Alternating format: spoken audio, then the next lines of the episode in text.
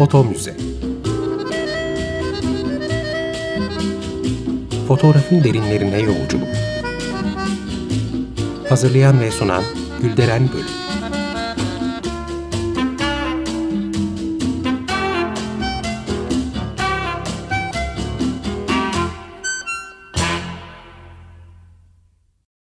Merhaba Açık Radyo dinleyicileri, fotoğraf tarihçiniz ben Gülderen Bölük.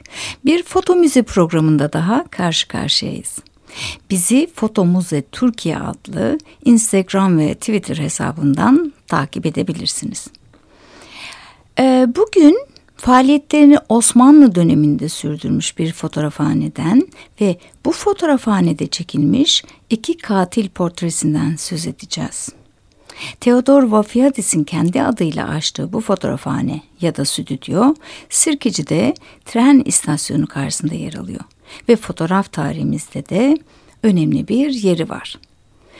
E, zaman içinde Vafiadis hakkında farklı alanlardan, farklı kaynaklardan elde ettiğim bilgileri üst üste koydukça bu stüdyo çok daha ilginç bir hal aldı. Kaynaklarımdan biri Reşat Ekrem Koçu'nun İstanbul Ansiklopedisi. Araştırmacıların çok iyi bildiği bu kaynak İstanbul tarihi için paha biçilemeyecek bir kıymette. Ee, bu ansiklopediden aktarılan tarih sadece elitin, iktidarın ve soyluların tarihi değil. Aynı zamanda berberin, hamalın, katilin ve sıradan insanın da hayatını kapsıyor.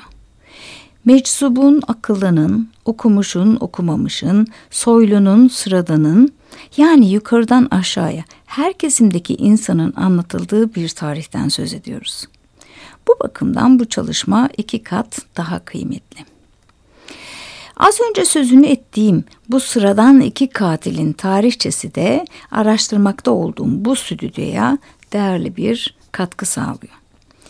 İşte, işte birbirinden bağımsız olarak bu ansiklopedide kaydedilmiş olan bu iki katil portresini e, Vafiadis tarafından çekilmiş olması hem büyük bir tesadüf hem de oldukça ilginç. Aslında bu stüdyoda çıkan birçok portre günümüze kadar ulaşmış durumda ve hala çok sık olmasa da müzayedelerde karşımıza çıkıyor.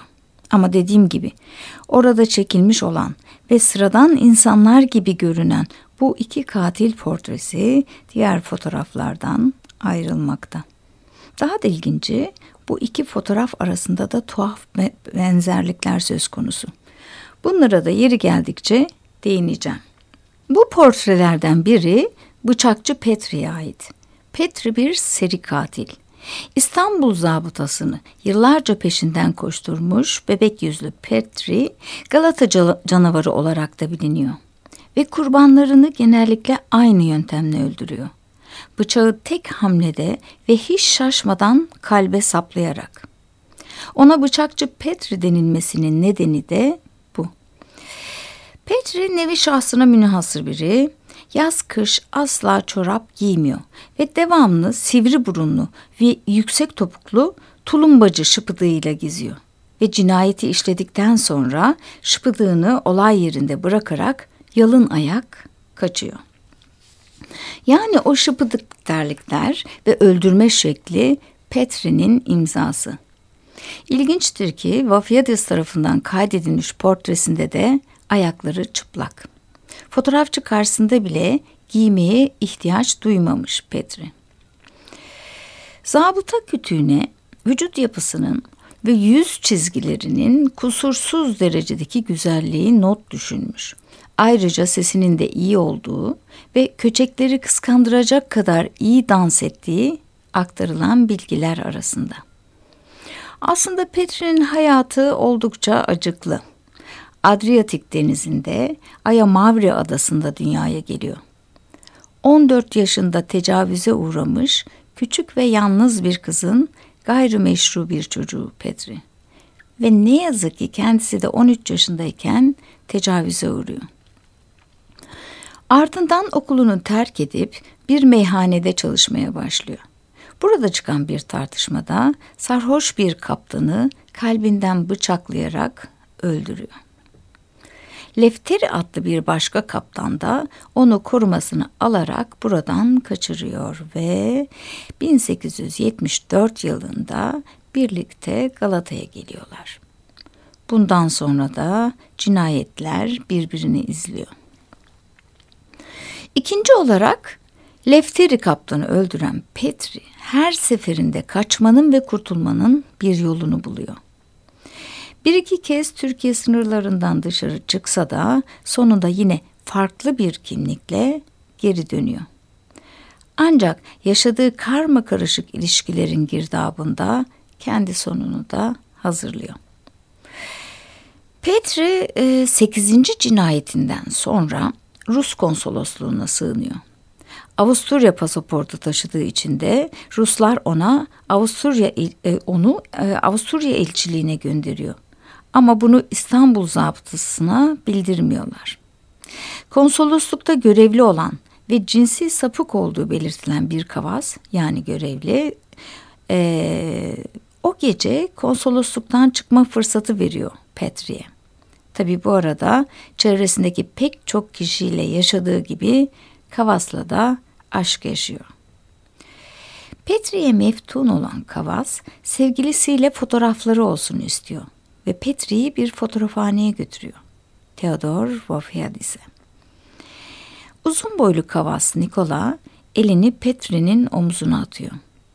Ayakları çıplak olarak fotoğrafçının karşısına geçen Petri, narin başını Nikola'nın omuzuna yaslayarak poz veriyor. İşte bu kare bir Osmanlı stüdyosunun kamerasından çıkarak bu ansiklopedi sayesinde günümüze kadar taşınıyor.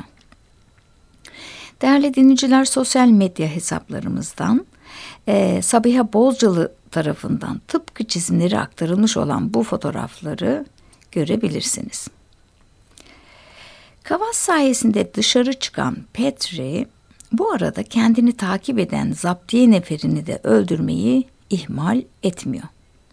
Ertesi günde Avusturya elçiliği memurları tarafından bir vapura bindirilerek memleketine sevk ediliyor. Ama Petri bu vapurda da öldürecek birini buluyor ne yazık ki. Eski sevgililerinden birini Ester'i yatağında kıstırarak kalbinden bıçaklıyor ve Çanakkale'nin soğuk sularına atlıyor. Herkes onun öldüğünü düşünüyor ve zabıtadaki dosyası kapatılarak kaldırılıyor. Oysa Petri Sisam adasında yeni sevgilileriyle yaşamaya başlamıştır bile. Ama o e, öldürdükçe intikam için arkasında çoğalan insanlar bıkmadan, usanmadan onu her yerde takip etmeye başlıyorlar. Velhasıl uzatmayalım. Bir süre sonra Petri yine İstanbul'a geliyor ve doğru Kavas Nikola'ya gidiyor. Nikola'yı daha önceden gittikleri meyhanede buluyor. Onun yokluğunda kendini iyice alkole kaptırmış olan Nikola birlikte çektirmiş oldukları fotoğrafı bu ben, bu da Mavri, Putanam yani fahişem diyerek o sıra, sırada etrafında olanlara gösteriyor. Bunu duyan Petri onu tabancayla vurarak kaçıyor. Nikola onun 11. kurbanı. Bundan sonra üç kişiyi daha öldürüyor Petri. Ancak sonunda peşindeki intikamcılar tarafından Galata'da pusuya düşürülerek kendisi de aynı sona ulaşıyor. Ölüm tarihi 28 Ağustos 1880. Aslında Petri'nin ancak filmlerde olabilecek türden hayatını ben kısaca anlattım. Ama en az Dexter dizisindeki kadar dinamik ve ilginç olduğunu fakat bir o kadar da acıklı olduğunu söylemem gerek. Şimdi biraz e, fotoğrafçımızdan söz etmek istiyorum. Theodor Vafiadis'i ilk olarak 1893 yılına ait ticaret yıllıklarında görüyoruz. Ama daha eski tarihlerde faaliyet gösterdiği çeşitli gazete ve dergilerde kendisiyle ilgili çıkmış haber ve ilanlardan anlaşılıyor. Nitekim bıçakçı Petri ile ilgili bilgiler de Vafiatis'in faaliyet gösterdiği yıllar konusunda bizi çok daha gerilere götürüyor. Vafiatis'in kendi adıyla işlettiği stüdyoya dair 1897 yılındaki Servet-i Fünun dergisinin çeşitli sayılarında ilanlar yer alıyor. Aslında bunlar aynı ilanların tekrarı. Ee, bu ilanı da aktarmak istiyorum. Çevirisi şöyle. Müşterilerinden gördüğü rağbet sayesinde bir kat daha hoş ve çekici hale getirdiği stüdyosunu Avrupa'dan getirdiği yeni icat ve son sistem alet ve edevatla donatarak tekrar düzenlediğini, ayrıca belde halkının arzularını yerine getirdiklerini, 7 seneden beri çektikleri 10 bin kişinin fotoğraflarında görülen nefaset, nezaket ve çekiciliğin harcadıkları emekte ne kadar başarılı olduklarının bir delili olduğunu yazıyor.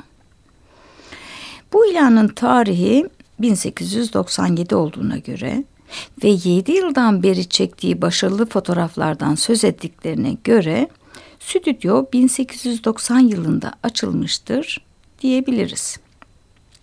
Oysa Petri'nin hikayesini bize aktaran Reşat Ekrem Koçu fotoğrafın 1879 yılında çekildiğini yazar. E, bu konuda çok şüpheye de düşemiyoruz çünkü Petri 1880 yılında öldürülüyor. Yani fotoğrafın çekildiği yıl konusunda yanılma payımız en fazla bir yıl olabilir.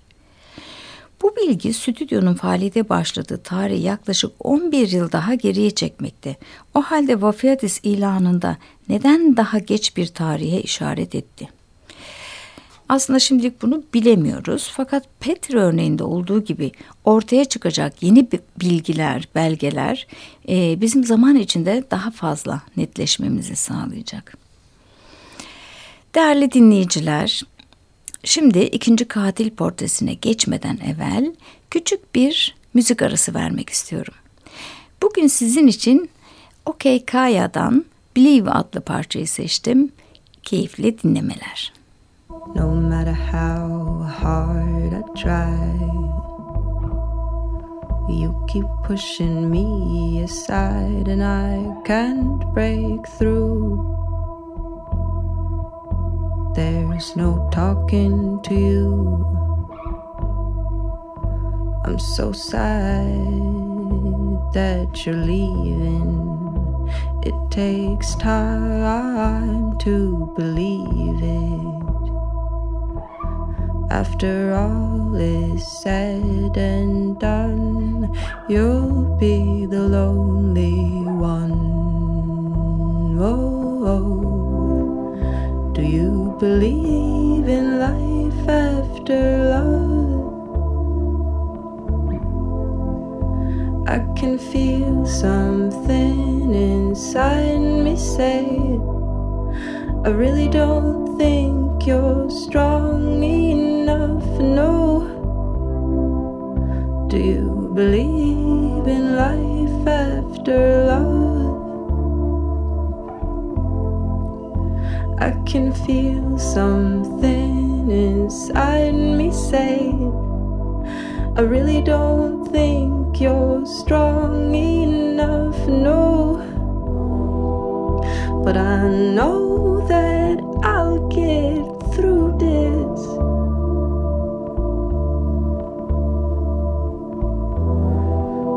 Cause I know that I am strong. No, I don't need you anymore. No, I don't need you anymore. No, I don't need you anymore. No, I don't need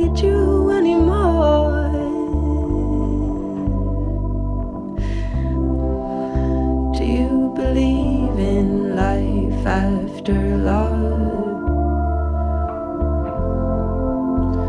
can feel something inside me say, I really don't think you're strong enough. No, do you believe in life after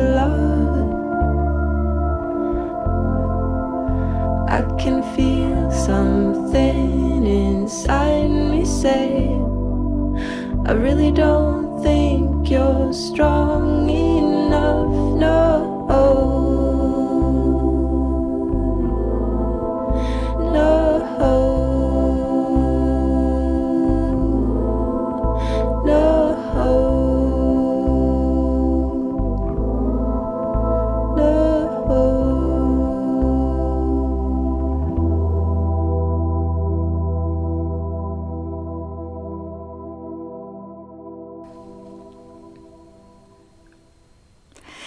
Merhaba Açık Radyo dinleyicileri. Foto Müze programında kaldığımız yerden devam ediyoruz. Katil portrelerini ve stüdyo Vafyadis'i konuşuyorduk. Ve kamera e, burada kamera karşısına geçmiş olan seri katil bıçakçı Petri'den söz ettik. Şimdi ise diğer katil portresini anlatmak istiyorum sizlere. Bu portrede yine Vafyadis'in stüdyosunda kaydedilmiş Tersane-i Amire'de işçi katibi olan İsmail Hakkı bu cinayeti işlediğinde 18 yaşında. Bu aşk cinayeti meydana geldiğinde takvimler 1889 yılını gösteriyor. Maktul ise Tophane-i Amiri'nin ikinci alayının üçüncü bölümündeki Arif adlı 19 yaşındaki er.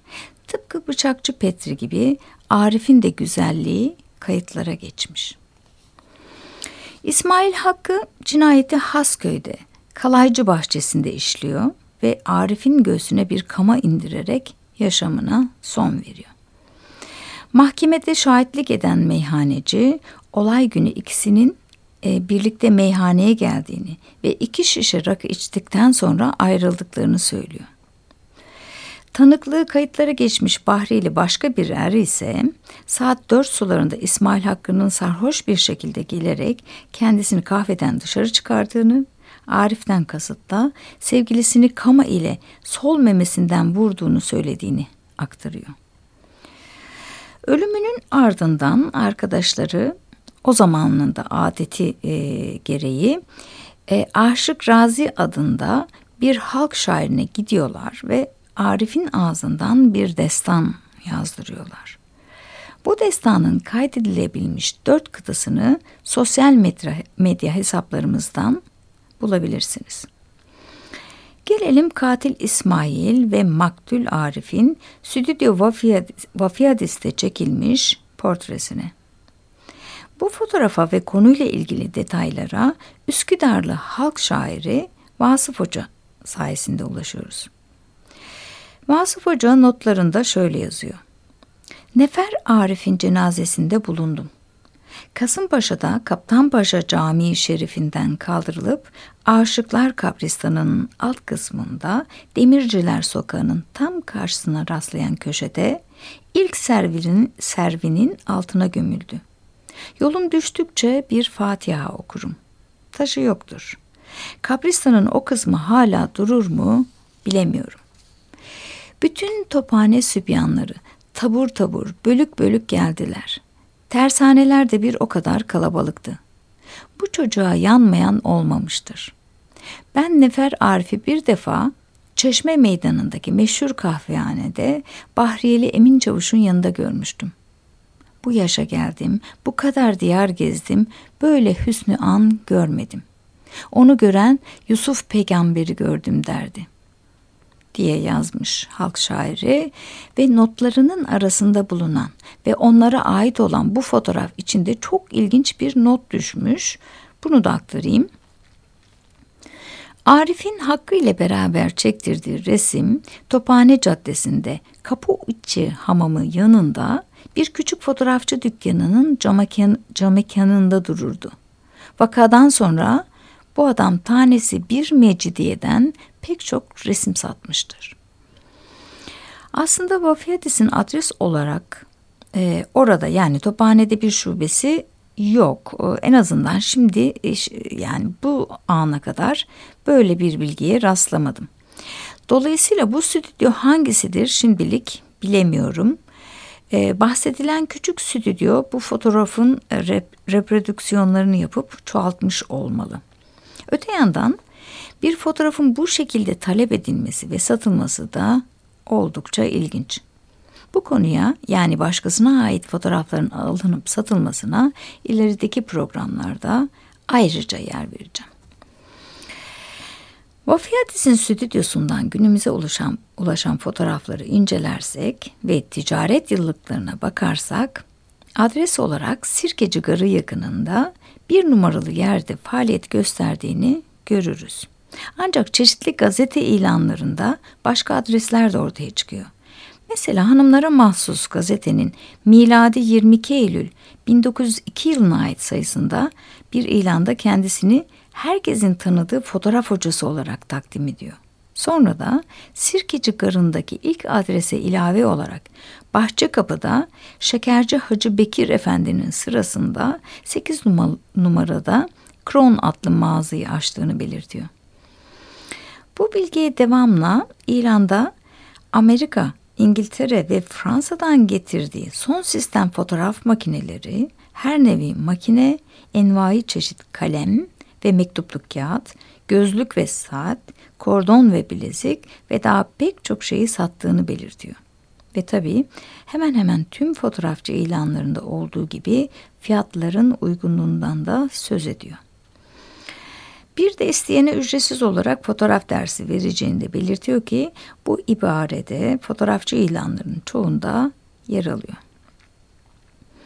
Aşık Vasıf Hoca'nın sözünü ettiği Tophane'deki küçük stüdyo belki de Vafiyadis'in bir diğer şubesi. Ama dediğim gibi şimdilik net bir şey söylemek zor. Yine araştırmaların için tarama yaparken Malumat gazetesinde Vafiyadis'in stüdyosunun dıştan bir görüntüsüne rastladım ve tabii çok heyecanlandım. Çünkü Osmanlı dönemi stüdyolarının hiçbirinin dış görüntüsü elimizde yok. Dolayısıyla bu fotoğraf bize bir fikir veriyor. E, dört katlı binanın tamamında stüdyo tabelaları bulunuyor ve binanın yan duvarlarında da yine stüdyonun ilanı yer almakta. Bunu da sosyal medya hesaplarımızdan bulabilirsiniz. Vafiyadesi fotoğraf tarihimizi değerli kılan bir diğer husus da asitli indirgeme yöntemiyle yapılan ototipik klişeleri basın hayatımıza kazandırması. Basınımızın erken dönemlerinde oldukça sorun teşkil eden bu konuda Servet-i Fünun dergisinin sahibi Ahmet İsa'nın çok çaba harcadığını görüyoruz. Hatta yurt dışından bir klişeci de getiriyor gazeteye ama o da bir sonuca ulaşamıyor. Fakat çözüm Vafiyadis'ten geliyor. O vakte kadar klişe, klişeler yurt dışında yaptırılıyordu. Tekrar altını çizeyim. Şimşir kalıplardan söz etmiyorum. Fotoğrafların birebir aktarılabildiği işlemlerden bahsediyorum. İlk zamanlarda bu klişeler yurt dışında yaptırılıyor ve bu sebeple hem çok uzun zamanda geliyordu hem de pahalıya çıkıyordu. Bu yüzden sıcak haberlerin ve güncel konuların yayınlanması da mümkün olmuyordu. Dolayısıyla Vafiyadis'in 1894 yılında başardığı bu yöntem basın hayatında ciddi bir ivme yarattı. Nitekim Servet-i Fünun dergisinde Vafiyadis'e ait olan ve sıkça görülen ilanlarda ototipi, fototipi ve çinkografi gibi yöntemlerle hizmet verdiği bilgisi de yer alıyor. Ayrıca Malumat dergisinin kullandığı fotoğraflarda da klişeleri yapan kişi olarak Vafyadis ismi sıkça geçmekte. Hakkında çıkmış ilanlar kadar Burçak Evren'in Sigmund Weinberg ile ilgili hazırlamış olduğu kitaba da dayanarak Theodor Vafidis'in öngörülü ve yeniliklere açık bir kişi olduğunu rahatlıkla söyleyebiliriz. Çünkü o ülkemize sinemayı getirmek için ilk başvuranlardan da biri aynı zamanda. Vafiyadis sinemanın büyük bir iş alanı olduğunu ve gelecek vaat ettiğini görüyor ve 3 Ekim 1895 ve 17 Şubat 1896 tarihlerinde August ve Louis, e, Louis Lumière kardeşlere bir mektup yazıyor. Ve sinematograf adı verilen bu yeni icat makinelerden istiyor. Lumière kardeşlerin cevabı olumsuz oluyor. Çünkü ellerinde sadece bir makine olmasından dolayı bu isteği yerine getiremiyorlar. Yine de Vafiyadis'in dünyadaki gelişmeleri takip etmesi ve yeniliklere açık olması onun kişiliği hakkında bize bilgi veriyor. Günümüz müzayedelerinde Stüdyo Vafiyadis'te çekilmiş fotoğraflara rastlamak mümkün. Bıçakçı Petri'yi sevgilisi Nikola ile İsmail Hakkı'yı da Arif ile yan yana gösteren bu iki fotoğraf ise Sabiha Bozcalı tarafından birebir resmedilmiş ve İstanbul Ansiklopedisine aktarılmış kopyalardır. Her iki aşk hikayesinin de bu stüdyoda belgelenmesi ve her iki olayın kahramanının başlarına dert olacak kadar hatta kayıtlara geçecek kadar güzel olması dikkatimizi çeken noktalardan. Fotoğrafları çekerken Petri'nin ya da İsmail'in kim oldukları konusunda Vafiyadis'in bilgisi var mıydı yok muydu bunu bilemiyoruz elbet. Ama yolları kesişen bu insan portrelerinin hüzünlü öykülerine ve başarılı bir fotoğrafçının tarihine bugün biz de tanıklık etmiş olduk. Evet sevgili dinleyiciler, bugün de bize ayrılan sürenin sonuna geldik. Size güzel bir gün diliyorum. Sağlıcakla. Foto Müze Fotoğrafın derinlerine yolculuk. Hazırlayan ve sunan Gülderen Bölüm